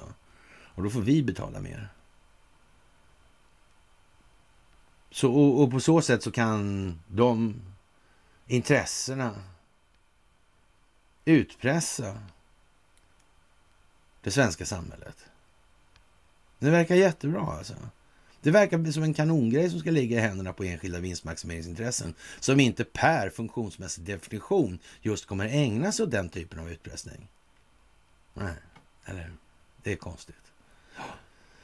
Men om det var så här som jag beskriver nu, då, då skulle ju någon ha sagt något. Det fattar ju vem som helst. Va? Så, så, ja. Det är lite speciellt helt enkelt. Och Amnesty är ju som sagt jätteseriösa, det vet ju alla. Och eh, Zelenskyj anklagar alltså Amnesty för att stödja terrorism. Och, och, det har naturligtvis med verkligheten att göra. Och Amnesty å sin sida håller fast vid sin rapport om att ukrainska styrkor utsätter civila för fara då. Underförstått med uppsåt alltså då. Mm. Det verkar som de går mot huvudet på varandra nu. I det här. Kan det vara tänka, tanken från början? Kan det vara tänkt så alltså? Kan det vara en bakomliggande underliggande strategisk planering för opinionsbildning genom reflexiv kontroll. Är det det vi ser nu? Eller är det någonting annat? Är det de eh, onda rymdödlorna som bara byter fot och flyttar till Kina? Nej, nej, nej, Men som... Ja, som sagt, varför, har aldrig, varför får vi aldrig se inbördeskrigen i den djupa staten? Varför ser vi aldrig dem? Det måste väl finnas för fan? Eller är det så jävla illa så husse har sina horder i Herrans tukt och förmaning, sin egen tukt och förmaning? Kan det vara så? Mm. Ja, det kan fan vara så alltså. Men eh, som sagt. Jaha, och den här Ilja Batljan har ju vi tjatat om i evigheters evigheter. Och, och han, han, är inte han lite kopplad på något vis till Serbien ändå alltså? Nu är han under attack alltså. En kör av mäktiga kritiker beskyller den tidigare socialdemokraten för att utarma den svenska välfärden. Va? Vad konstigt. Jaha. Ja, under de senaste sex åren har Batljan köpt upp tusentals byggnader alltså där själva välfärden äger rum. Alltså privatiserat välfärdens skelett. Är, är det någon jävla eh, optikverkstad det här han håller på med? Kom man på det själv då eller? Eller är det så att andra har liksom påverkat? Jag vet inte. Vi får se vad de säger här. Genom sitt imperium, samhällsbyggnadsbolaget SBB, äger eller samäger Batljan 504 förskolor, 168 äldreboenden och 39 polisstationer enligt uppgift från SBB. Nu sitter fastighetskungen i baksätet av en svart Mercedes SUV. Ja, det är måndag morgon i slutet av maj. Han är på väg hem från Nykvarn. Det här är ju rätt gammalt alltså. Eh, söder om Stockholm där han inspekterat nybyggda hyresrätter och äger kommunhuset. Han är sen till ett plan som ska lyfta från Bromma vid 10.20. Ilja Batljan är 55 år gammal. Med sitt lite kantiga och uttryckslösa ansikte har han drag av Sylvester Stallone, anno Rocky Balboa. Eh, är det någon pik då? Eh, att han är numera något mer fetlagd då? Eller jag vet inte. I Mercedesen bär han inget bälte. Runt hans hals hänger en vit sladd med hörsnäckor till mobilen. På porträtt skymtar man ofta den där sladden som boxningshandskar runt en tungviktares nacke. Köpet av välfärdsbyggnaderna har gjort Batljan till mångmiljardär. Under SBBs första fem år plockade han som huvudägare ut 415 miljoner kronor i aktieutdelning enligt ekonomijournalisten Andreas Cervenkas uppskattning, som vår käre grindvakt. Men under sommaren har tunga kritiker varnat för Battlians affärsidé, SBB SBBs aktiekurs, att de har rasat på börsen. Battlian har meddelat att SBB ska sälja fastigheter för 15 miljarder kronor för att minska skuldbördan. Makthavare som finansmannen Sven Hagströmer och tidigare riksbankschefen Lars Heikensten larmar om att privatiseringarna på sikt missgynnar svenska skattebetalare. Näringslivet är som ett hajstim. Ja. Kommuner som säljer byggnader till privata aktörer, som SBB, får en lysande klumpsumma i betalning. Men när kommunerna sedan hyr in sig i lokalerna som de just sålt förbinder de sig till dyra och långa kontrakt. Kommunerna slipper potentiellt stora kostnader för underhåll och expansion. Privata aktörer som Batljan säger sig kunna bygga och förvalta mer effektivt än kommuner. Men enligt Lars Heikenstens inlägg på DN Debatt är det svårt att leda i bevis.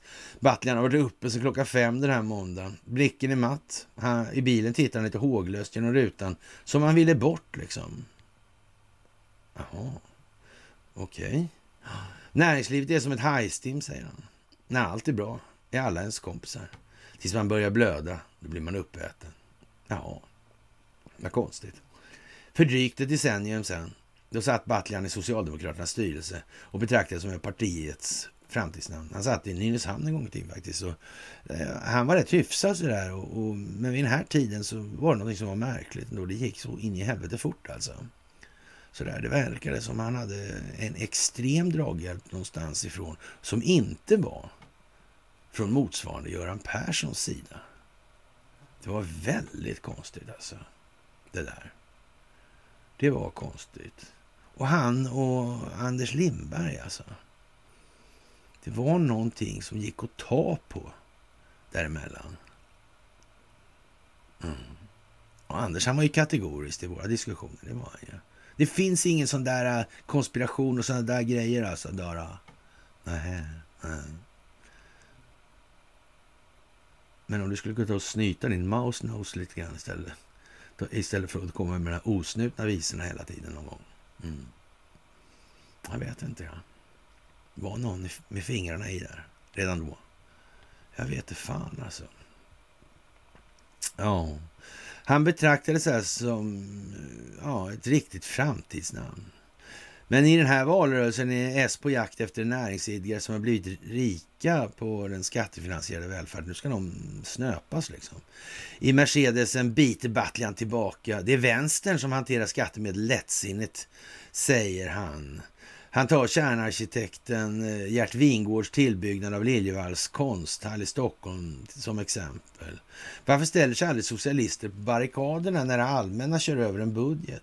Liljevalchs skulle ha kostat 147 miljoner, det kostar 584. Om vi i SBB hade gjort det, för 10, eller gjort det där 10% billigare hade vi täckt hela mellanskillnaden, säger, säger Battlian. Man säger att kommuner på lång sikt kan bygga och förvalta billigare, men vad ska man göra med pengarna som försvinner redan dag ett? Du kan tänka dig hur svårt det är att driva företag i en socialistisk miljö. Battlian invandrade till Sverige, kom som krigsflykting på Balkan 1993. Mm -hmm. Ja, han växte upp i Montenegro i bergstaden Kolasin. Under uppväxten drev pappa ett skogsföretag som avverkade virke från bergskamrar där dit maskinerna inte kunde nå. I den eländiga terrängen bidrog till, den, eh, till att den kommunistiska regimen lät pappas företag få verka i privat regi till zonen. Familjen utgjorde ett undantag i den socialistiska ekonomin, ett fadersarv som förpliktigar. Du kan tänka dig hur svårt det är att driva företag i en socialistisk miljö. Då är det ingen match att göra det i Sverige där man har alla förutsättningar, säger Battlian. I mitten av 00-talet var Battlians kommunstyrelsens ordförande i skärgårdskommunen Nynäshamn. Alltså. Parallellt doktorerar han i demografi vid Socialhögskolan i Stockholm. Sveriges befolkning ökar och lever allt längre. I sina demografiska modeller såg Battlian en ny marknad öppna sig, en affär i det ökade behovet av nya byggnader för välfärden. Alltså därför han de gamla. Efter valet 2010 som S förlorade hoppade Battlan av politiken och gav sig fan på att upprepa pappans bedrift, men i den avreglerade svenska välfärden alltså. Våren 2016 grundade han SBB. I april det året köpte bolaget sitt första äldreboende i Örkelljunga i norra Skåne. Nu sex år senare har SBB expanderat till ett imperium genom alla dotterbolagen sitter huvudägaren i Battlan i blygsamma 1064 styrelser.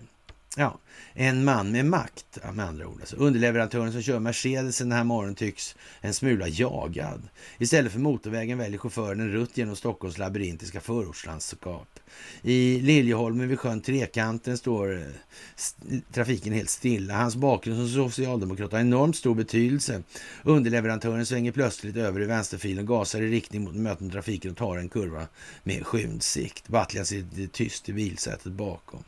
Bakgrunden som socialdemokratisk kommunalråd har underlättat Filja Battlan när han uppvaktar kommunchefer och andra lokalpolitiker i syfte att köpa allmänhetens byggnader. Det säger Stig Westerdahl, professor i företagsekonomi vid institutionen för urbana studier vid Malmö universitet. Klart hans bakgrund som socialdemokrat har enormt stor betydelse, säger Westerdahl. Han förstår logiken och språken i kommunhusen. Han är närmast en förutsättning skulle jag säga. En väldigt viktig del av marknaden för samhällsfastigheter handlar om att kunna övertyga en politiker att sälja. Mm -hmm. Aha. En inside Deripaska känns det som. Lite grann. Med ett mycket och helt annat. Mycket större, men helt annat syfte än vad som har förespeglats. Och vad konstigt alltså. Ja, SBB har finkammat svenska kommuner på så kallade samhällsfastigheter eh, lokaler där välfärden äger rum. Alltså, men privatiseringen kritiseras alltså för att på sikt missgynna svenska skattebetalare. Vad, vad säger Battlian eh, när han närmar sig en kommunchef då? Westerdahl föreställer sig att han, samtalet lyder ungefär så här. Kolla här, du får 57 miljoner på ett bräde. Jag har förstått att er äldreomsorg och skola har stora behov. Så vi kan hjälpa er med den engångskostnaden. Battlian eh, säger nej så arbetar SBB inte alls. Eh, många kommuner har egna rådgivare. Det är sällan eh, som vi som försöker övertyga någon, säger han. Battlian är inte ensam om att ta ett kliv från politiken till fastighetsbranschen. I företaget eh, Selhall som bygger nya fastigheter för bland annat äldrevård den tidigare moderata finansministern Anders Borg styrelseordförande. Hoppla! Ja, ja, ja. Ja, ja, ja. Han kanske åker helikopter, höll jag på att säga. Men, ja, mm, ja, ja. Att ta en selfie med Anders Borg är inte samma sak som att göra en affär med Anders Borg alltså. Nej. Marknaden för samhällsfrågor har expanderat under samma tid som politikerna tagit plats i företagen.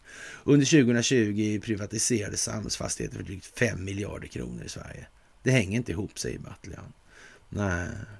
Det, det, det, kan finnas folk som vill ta en selfie med Anders Borg, men ja, göra affärer alltså. Mm.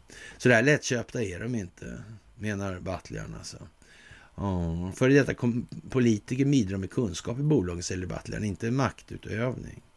Mm. Om det handlar om makt så är det en allvarlig anklagelse, för då är det ju korruption, säger han. Men säger han nu att det här med Anders Borg är korruption alltså? Okej. Okay. Ja. Ja, jag vet inte. Det där är ju jättekonstigt helt enkelt, faktiskt. Det är ju väldigt mycket märkligt. Undrar om det där är kanske planerat det här. På något vis. Kan det vara så? Kan det vara på något annat vis? Hur skulle det gå till? Mm. Polisstationer. Mm. Är det fler sådana här företag som har köpt polisstation? Är, är det rimligt då att tull och polis och sådana här grejer sitter i sån beroendeställning till enskilda nyttomaximeringsintressen. Eller av dem då. Nej, jag vet inte faktiskt. Jag tror det låter jättekonstigt. Alltså. Jag tycker det verkar jättekonstigt. Mm. Och som sagt, USS Kearsarge i Helsingfors där då. då. Jättemärklig bild. Precis som det var ett fängelsegaller. Mm. Det är nog som det är, ja. Och ja, det här med Kina och Ryssland i de här sammanhangen. Som ökar på sina relationer ordentligt alltså. Mm. Kina är Rysslands viktigaste handelspartner med tanke på ekonomins behov. Alltså så kan energisporten till det här landet ökas på obestämd tid. Alltså behöver de västvärlden överhuvudtaget för att överleva? Nej, det gör de inte. Så. Mm, det är som det är helt enkelt. Jaha, och eh, ja, det är klart, eh, en terroristattack nu på en strategiskt avvägd plats, eh, det kommer ju ingen klaga på i den djupa staten, så är det ju. Men frågan är hur mycket har man motverkat den här utvecklingen?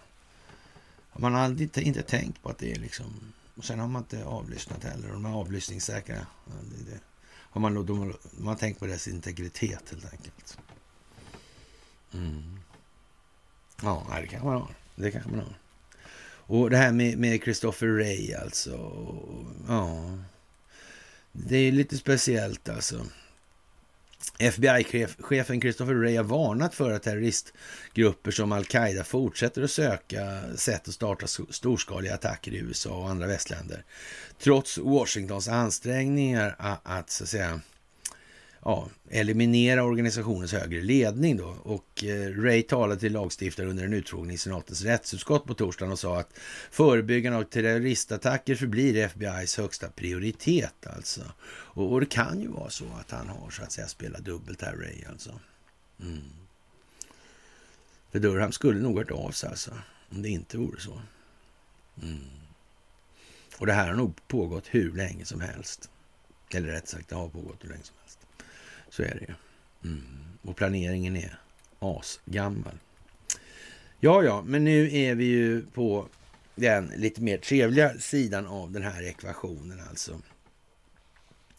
Och eh, trots de här varningarna då om det bestående hotet från utlandsbaserade grupper sa FBI-chefen att hemodlade våldsbejakande extremister för närvarande är det största terrorhotet i USA alltså. Jaha.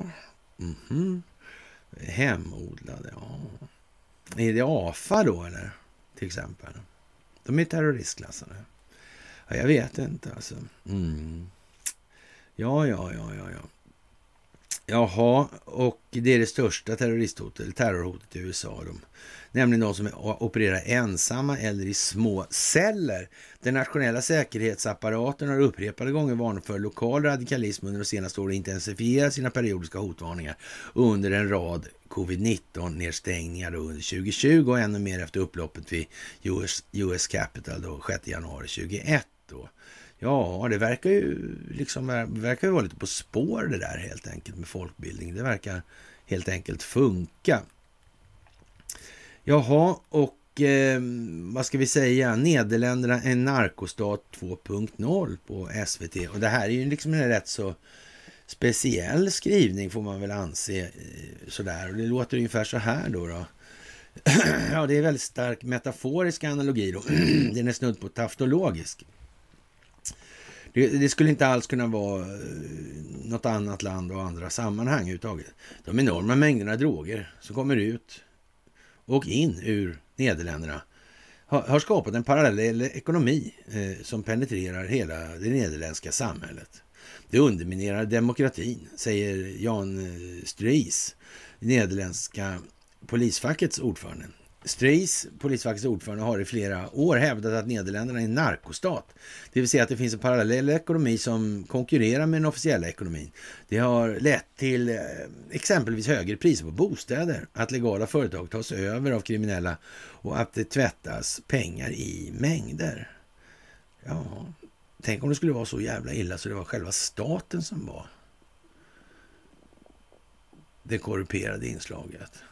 Den djupa staten. Liksom. Nej, så kan det inte vara. Nej. Ja, jag, jag kallar Nederländerna för en narkostat 2.0 eftersom drogerna pumpar in så mycket pengar i legala ekonomin så det tar över. Det underminerar demokratin men också ekonomin, sägs det. Ja, och bankernas pengar styr den ekonomi som kontrollerar politiken. Om det är samma gäng som dessutom håller på med det där, ja, vad blir det då? Då, då blir det fantastiskt. Eh, en eh, av de största bankerna, eh, Hollandske Koopman Bank förresten, by the way alltså. Har det funnits några speciella ägare som vi här i Sverige kanske skulle uppfatta som anmärkningsvärda eller rent av kända, bekanta helt enkelt? Alltså det var de igen ja. Jaha, det var ju på ett eh, brutalt vis inre angelägenheter då också, eller var det frivilligt? Ja, men var inte det Alders Vibo, de här eh, affärer till varje pris? Ja, ja, de skrev någon artikel om äh, att eh, en gång ordnade de så judarna fick betala för sin egen gasning och ej och liksom. Ja, jag vet inte vad de menade där. Alltså. Och sen var det några varianter med den där Raul också. Där. Jättekonstigt. Mm, konstigt som fan alltså. Ja, ja. Eh, ytterligare en konsekvens är att allt fler hotas, pressas eller utnyttjas av kriminella. Allt från lokalpolitiker, företagare, tjänstemän, journalister och advokater. Vänta nu ska vi se här. Lokalpolitiker, företagare, vinstmaximerare alltså, tjänstemän, byråkrater alltså, journalister, opinionsbildare alltså, och advokater, eh, ja, vad ska man säga? Mm. Eh. Moralhoror, då. då. Mm. Det är väl enklast. Ja, ja, ja, ja. Ett exempel på det är händelserna kring den så kallade Marengo-rättegången där 17 personer ur den så kallade Mokromaffian stod åtalade för sex mord och flertalet mordförsök. Kronvittnet i rättegången attackerade på så vis att hans bror mördades. Hans advokat mördades och till sist även den journalist som hjälpte honom när advokaten hade eh, dött. Skulle väl aldrig ha ihjäl en advokat. Det har väl aldrig hänt här. Eh, de advokater som har faktiskt gjort någonting för eh, något annat än sin egen vinstmaximering skull, de har inte alltid haft så lätt kan vi säga. Så kan man säga. En del har fått, till och med fått vattenskotrar i huvudet och dött. Ja, mordet på den kände krimjournalisten Peter R. de Vries har fått landets krimjournalister att bli mer försiktiga. Att nu namnge en brottsling är något som kan få konsekvenser, menar mångårig journalisten Jens Oldekalte. När en journalist namnpublicerar en brottsling så börjar skiten för dem med ett rättssamhälle, med polisen, med andra brottslingar. De vill bara tjäna sina miljoner och göra sin business i tystnad, säger Jens Oldekalter. Åklagare och advokater som jobbar med rättsprocesser mot grovt kriminella nu för tiden, ofta polisbeskyddade. Även vissa journalister som levt under hot. Eh, Jens Oldekalter har ännu inte behövt något skydd, men han hoppas att han aldrig hamnar där ändå. Alltså. Mm. Men den allt brutalare kriminella miljön har fått honom att fundera över sitt jobb. Är det värt att dö för det här? Vill jag att mina barn ska växa upp utan en pappa? Vill jag att mina barn ska växa upp i narkostat? Det är sådana frågor, saker som jag funderar över, ja. Man får väl göra vad man kan för att det inte ska bli så då kanske. Kan det vara något? Mm.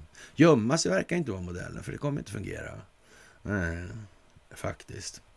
Den gamla världen krymper som en pysande ballong alltså. Ja, kära ni, det är ta med fan rätt så speciellt alltså.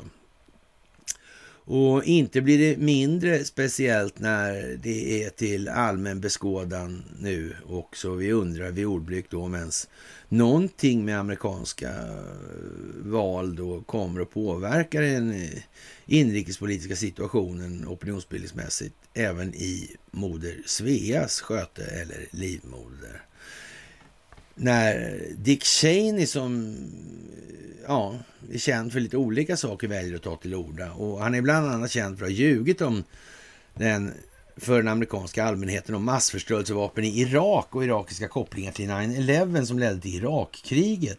Detta destruktiva debacle då dödade tusent, ja, tusentals amerikanska soldater och skadade tusentals fler och dödade tiotusentals irakier. Kriget kostade också den amerikanska statskassan biljoner dollar. Men Dick Cheneys kompisar i det militärindustriella komplexet klarade sig ganska bra. Alltså. Otippat. Mm. På torsdagen släppte Dick Cheney en kampanjannons för sin lilla flicka.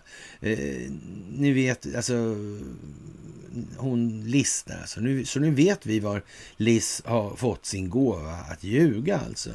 Dick Cheney säger så här nämligen att i vår nations 246-åriga historia har aldrig funnits en individ som är ett större hot mot vår republik än Donald Trump. Jaha, Cheney fortsätter med att säga hur stolt han är över flickan Liz. Och, och, han säger att eh, primärvalet i Wyoming kan inte komma snart nog alltså. Ja, jag vet inte vad man ska säga. Man kanske inte ser.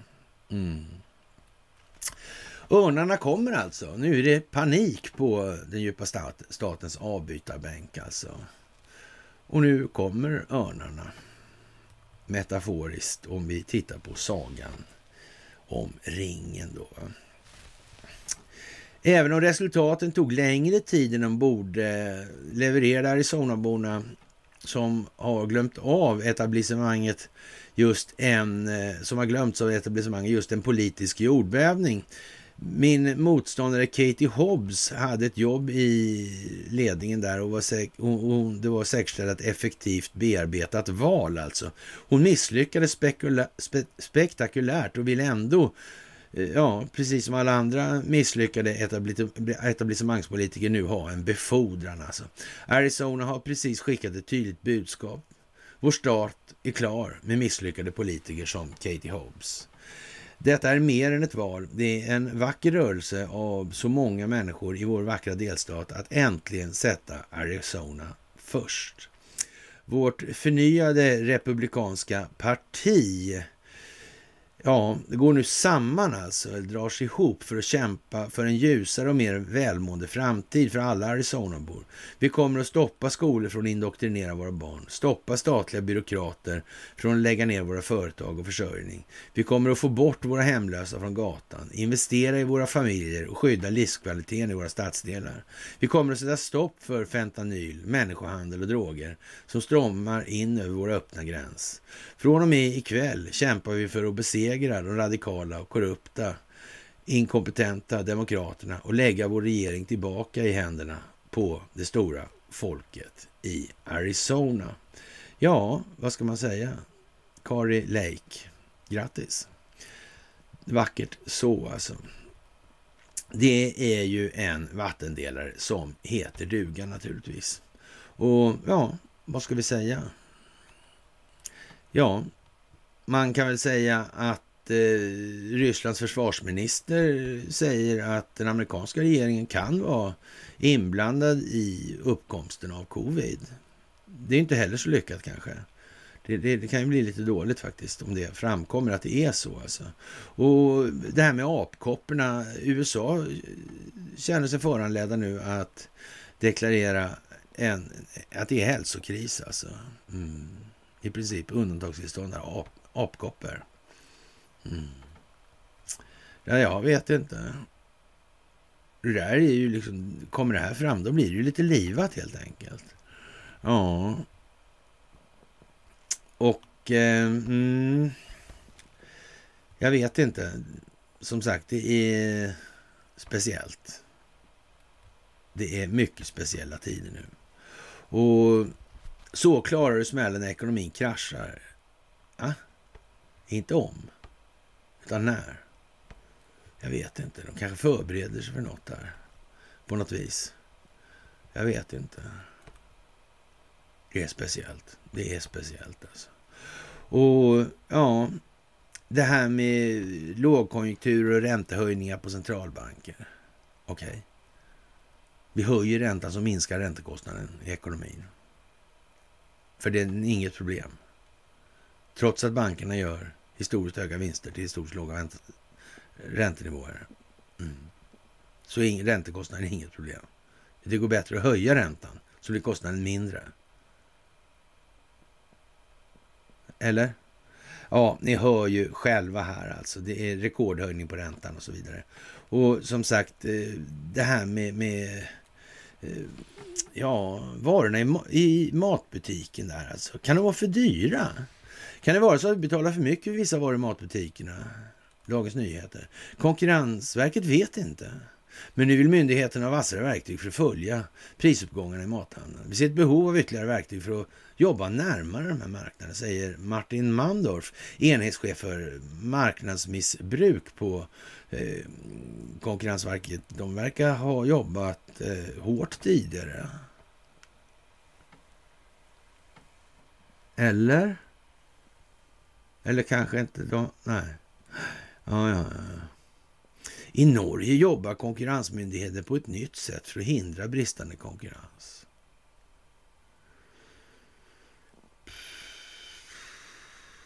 Haugen.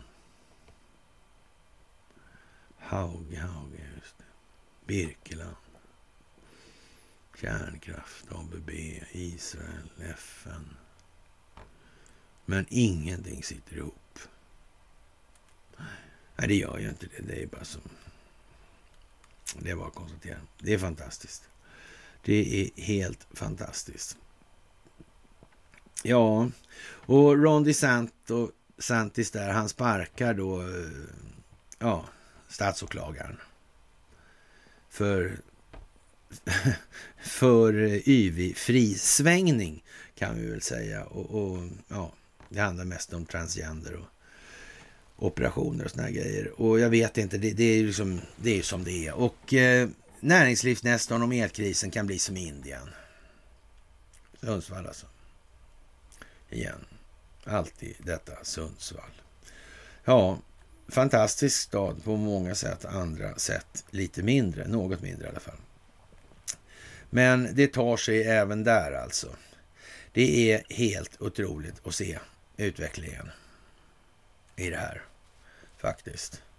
Och ja, det går så jävla mycket bättre nu än vad det någonsin har gjort. Och det är jag så jävla glad och tacksam för. Och ni spelar en så stor roll i det här. Så ni anar inte helt enkelt. Det pågår alltså en hel del kommunikation och arbete bakom hela tiden i det här. Det behöver inte bara allmänt frånvarande mellan varven. Vi måste vara frånvarande. Och ja, som sagt. Ni ska ha det allra största av takt. Och nu står vi så att säga inför den stora händelseutvecklingen. Faktiskt. Och Ukraina vill ha en ny global säkerhetsarkitektur. Och jag är inte säker på att det är vad den djupa staten önskar sig. Mm. Underrättelsetjänstkollektivet och NATO ja, blir naturligtvis jättelyckliga. Men det är inte planerat. Nej. Det får man ju faktiskt ha klart för sig. Ja, det är som det är helt enkelt. Och eh, det är mycket, mycket, mycket speciellt. Och undan går det. Och ni är främst i de här sammanhangen. På hela planeten. Det finns ingen breddmassa eller massa som ser ut så här med den spetsen. Det är ju liksom... Det är ljusår i skillnad alltså. Sådär. Och eh, i kommunikationen med andra länder i de här sammanhangen så kan vi ju liksom säga att... Eh, ja... Ja... Då är det inte lika dåligt att vara svensk om man säger som så. Det är det inte. Det är det inte. Att sitta och spela in sådana här mys för fyra liksom. Nej, det, det känns som det kan, det kan anstå helt enkelt. Då får man hitta på något annat sätt istället. Men i alla fall, det är otroligt mycket bättre och ni är otroligt duktiga och helt fantastiskt bra på att kommunicera ut det här som ni förstår allt mer av hela tiden. Man har röstat i senaten i USA då och 95 mot 1 att lägga till Finland och Sverige till NATO. Och ja, man kan väl säga det är speciellt alltså. Och ja, Maricopa där, valfusk konstaterat. Ja, de avbröt. Det är mycket fantastiskt nu alltså. Och som sagt, Östersjöns roll kan vara avgörande för klimatet. Vi har pratat om regleringen av älvarna i en evighet alltså. Ja. Och Marviken kommer upp. Ja ja, och de här figurerna som köpte Marviken kommer också komma upp. Ja. Var det stacklat det där redan från början? Det var det där egentligen. Mm hon moderathopparen där ville inte ha någonting på Marviken. Där. Var inte det ungefär som Ågesta egentligen? Var inte det avsett för? Var inte det sån verksamhet där SMR? Små modulära reaktorer? Jag vet inte. Det är fantastiskt alltså. Det är fantastiskt.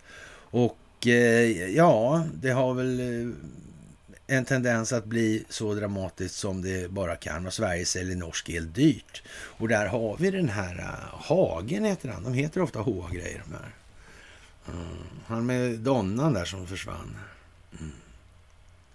För de har inga nordsydliga transporter. Vem, vem, vem, vem, kan ha kommit på det? Kan, kan de vara beroende av ABBs styrsystem? De där? Eller? Ja, ni vet ju själva alltså. Det här är ju bara liksom... Det är som det är nu alltså. Det blir bara allt mer tydligt. Det finns liksom inte så mycket ja, kvar att säga alltså.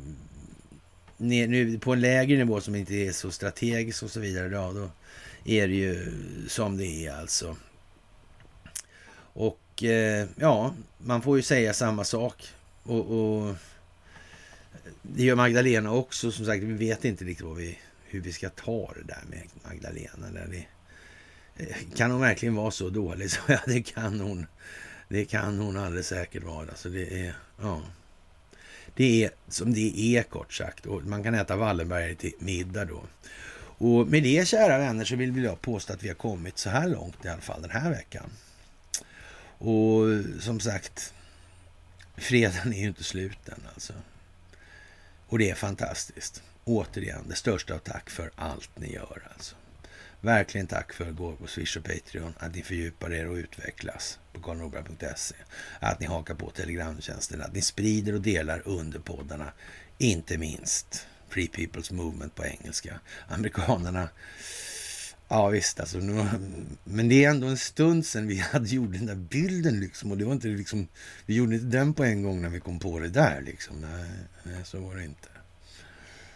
Ja, det är lite tid, det är lite upparbetningstid. Men det är praktiskt att upptäcka att man har ligger hundra år före sin tid och då kan man komma på så här. Jag tror jag ska se till att jag inte ligger lika långt före min tid alltså. Då finns det två sätt. Va? Antingen drogar man ner sig totalt helt enkelt. Eller också får man sätta fart i andra änden och försöka få de andra med sig då. Det är de två optioner man har. Och med det så kan vi väl säga att vi har gjort det här så hörs vi absolut senast måndag då. Hoppas jag. Och eh, annars hörs, hörs vi ju antingen ikväll, imorgon eller söndag då. Mm. Sådär. Och i övrigt så får jag tillönska er en fantastiskt trevlig helg. Hej!